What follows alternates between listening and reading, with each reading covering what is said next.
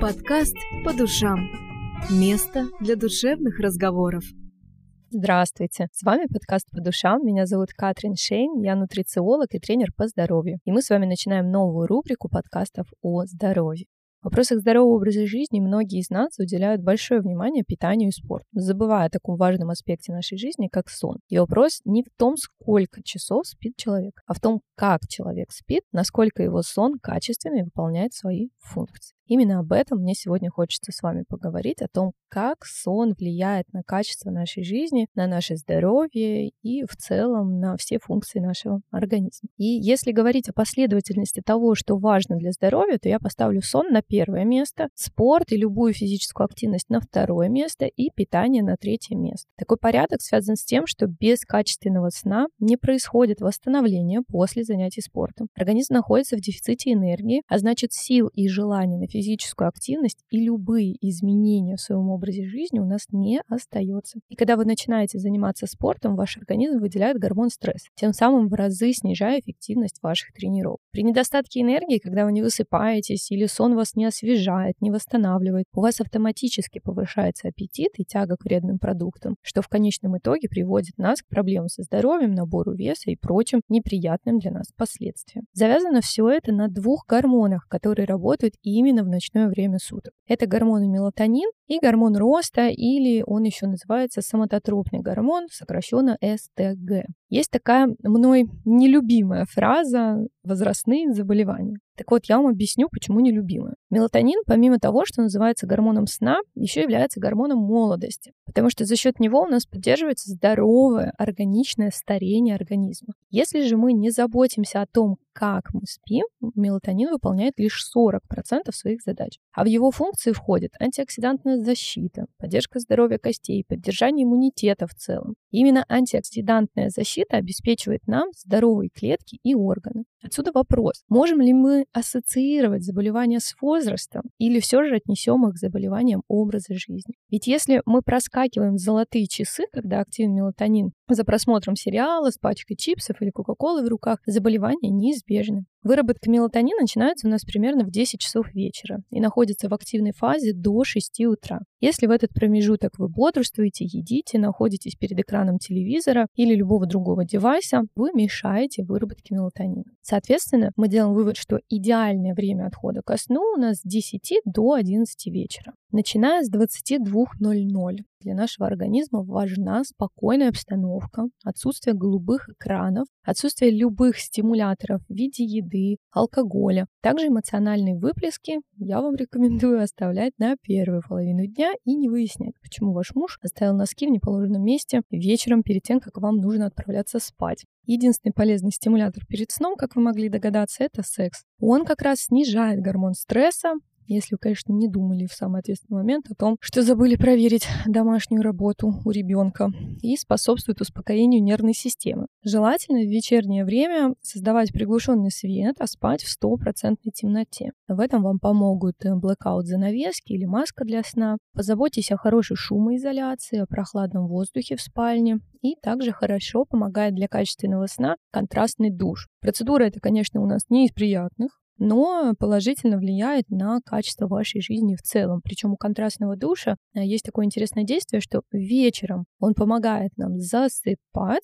а в утренние часы, если мы принимаем контрастный душ, он помогает нам пробуждаться. То есть контрастный душ активно участвует в нормализации всего цикла нашего дня. Для качественной выработки мелатонина вам помогут такие добавки, как витамин D и омега-3. И принимать их желательно в вечернее время суток. Можно принимать прямо за час до сна. Именно такая связка помогает эффективно усваиваться D-витамину, потому что это жирорастворимый витамин, а омега-3 непосредственно сам жир. И так как гормоны работают у нас на жирах, на жировых продуктах, то как раз-таки омега-3 поможет нам в выработке мелатонина и гормона роста, соматотропного гормона. Также важно помнить, что последний кофеин, содержащий напиток, стоит оставлять в первой половине дня, желательно до двух часов. И сюда у нас входит не только кофе, сюда у нас также входит зеленый чай, черный чай и такой напиток, как матча. Вторая причина или второй гормон, из-за которого сон занимает лидирующие позиции формирования здоровья, это гормон роста. Соматотропный гормон, коротко можем его называть СТГ. Активную фазу этот гормон выполняет у человека до 21 года в период активного развития организма. Далее его основная задача — это восстановление, причем восстановление на всех уровнях. Благодаря этому гормону мы снижаем вес, просыпаемся без отеков, выздоравливаем в ночное время суток, снижаем уровень стресса, избавляемся от раковых клеток и любых других пораженных клеток. Восстанавливаем мышцы после тренировок, ну и, в общем-то, сияем и наслаждаемся красотой своей кожи и тела, так как этот гормон отвечает за синтез белка. А белок, как вы знаете, это у нас основной строительный материал, и в том числе для кожи. Самый большой бонус этого гормона — это снижение системного воспаления. Системное воспаление невозможно измерить, невозможно сдать анализы и увидеть системное воспаление. Это такой процесс, который связан с ускоренным, назовем это, старением организма, с развитием заболеваний всех. И когда этот гормон вырабатывается, у нас снижается это системное воспаление, а значит, что мы улучшаем здоровье и качество жизни на всех уровнях. И этот гормон, он имеет свои особенности. И основная его особенность в том, что он вырабатывается у человека только в фазе глубокого сна и в промежутке где-то с 12 до 2 часов ночи. Соответственно, ни в коем случае нельзя проскакивать эти часы, и дело в том, что наш организм, вот фаза глубокого сна у нас включается именно когда мы только заснули, то есть вот в первые часы сна. Поэтому с 12 до 2 это крайне важное время, когда стоит засыпать именно с целью того, чтобы у вас вся гормональная система работала налаженно. И основными условиями для выработки этого гормона является крепкий сон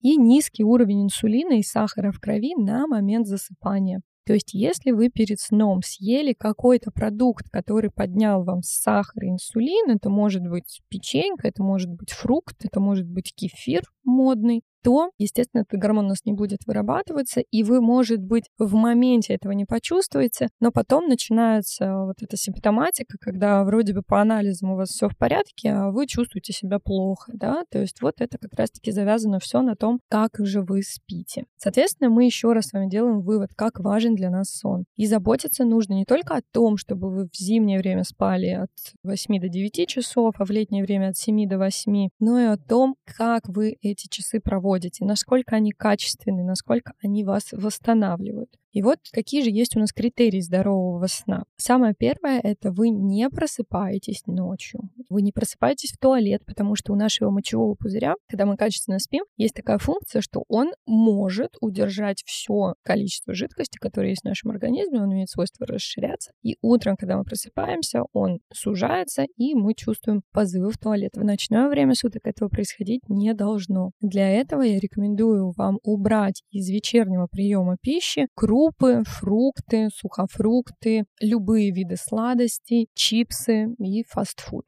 Ну, в общем-то, все, что мы очень сильно любим, конечно же, вечером кушать нежелательно. Далее. Вы просыпаетесь утром в бодром состоянии. Это главный критерий того, что вы действительно качественно спите. Потому что человек не может просыпаться утром разбитым. И вот это состояние, когда я встал и уже устал. Это нездоровое состояние. Это говорит о том, что ваша гормональная система в ночное время суток совершенно не выполнила свою функцию. И не потому, что она плохая, а потому, что вы этому процессу не поспособствовали. И для того, того, чтобы начинать налаживать свой цикл дня, для того, чтобы чувствовать с утра бодрость, даем такую тоже рекомендацию, что вы первую чашку кофе пьете через 45 минут после пробуждения, не раньше. Очень у многих есть такая привычка, что проснулись, вы не чувствуете бодрости, первым делом вы бежите заваривать себе кофе или едете на ближайшую заправку, чтобы взять чашечку любимого латте с карамельным сиропом. И после этого, конечно же, вы привыкаете к тому, что без кофеина вы бодрости не чувствуете, потому что у нас есть такой гормон, он называется кортизол. Принято считать, что это гормон стресса, но помимо того, что он гормон стресса, он еще и гормон бодрости. Так вот, с утра, когда мы просыпаемся, этот гормон находится на пике, то есть он дает дает вам максимальный заряд бодрости. Но если вы годами пили кофе с утра, то кофеин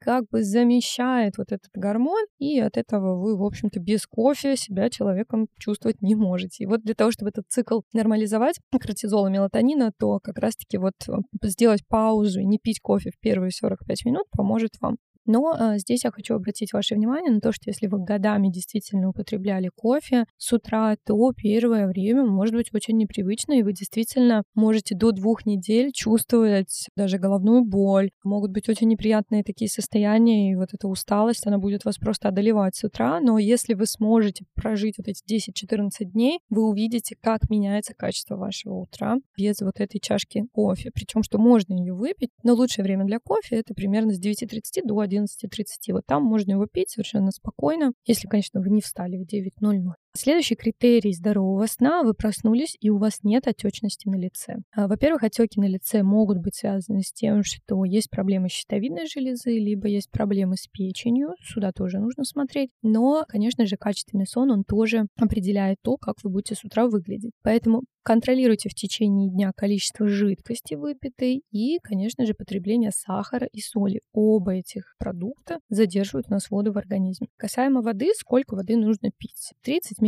на килограмм массы тела. Рассчитайте, пожалуйста. Но здесь есть такой нюанс, что заставлять себя пить воду, конечно же, не стоит. Но если вы человек, который пьет максимум один стакан воды в день, а остальное это кофе, чай, бульон или кока-кола, или, не дай бог, какой-нибудь энергетик, а вечером бокальчик белого вина, то, конечно же, говорить о том, что не надо себя заставлять пить, я не могу. Тогда нужно себя заставлять пить, и нужно заводить будильники, то есть эту привычку себе нужно вырабатывать. Вы должны понимать, понимать, что чистая вода — это такой необходимый элемент для того, чтобы оставаться здоровым и энергичным, между прочим, тоже. То есть как только в вашем организме идет что-то не так, даже если по анализам там все в порядке, вы будете чувствовать жуткую усталость. Значит, что еще для сна важно? Проветривайте спальню перед сном. Убедитесь в том, удобна ли ваша подушка, на которой вы спите. Позаботьтесь о тишине и темноте в спальне. Не занимайтесь активными видами спорта после 19.00. Самое лучшее время для занятия спортом — это с 5 до 7 часов. Вот в это время у нас очень активно работает, восстанавливается мышечная мышечная масса, и это такой самый безопасный промежуток времени. После 7 часов максимум, что можно делать, это спокойные прогулки, это может быть йога спокойная, это может быть растяжка, то есть любые спокойные виды физической активности. И, конечно же, последний прием пищи стоит оставить до 9 часов, так как с 11 часов работа перистатики кишечника у нас замедляется. И, конечно, помните,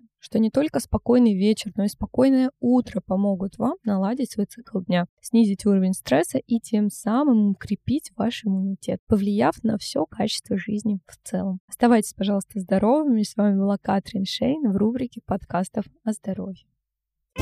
Подкаст по душам. Место для душевных разговоров.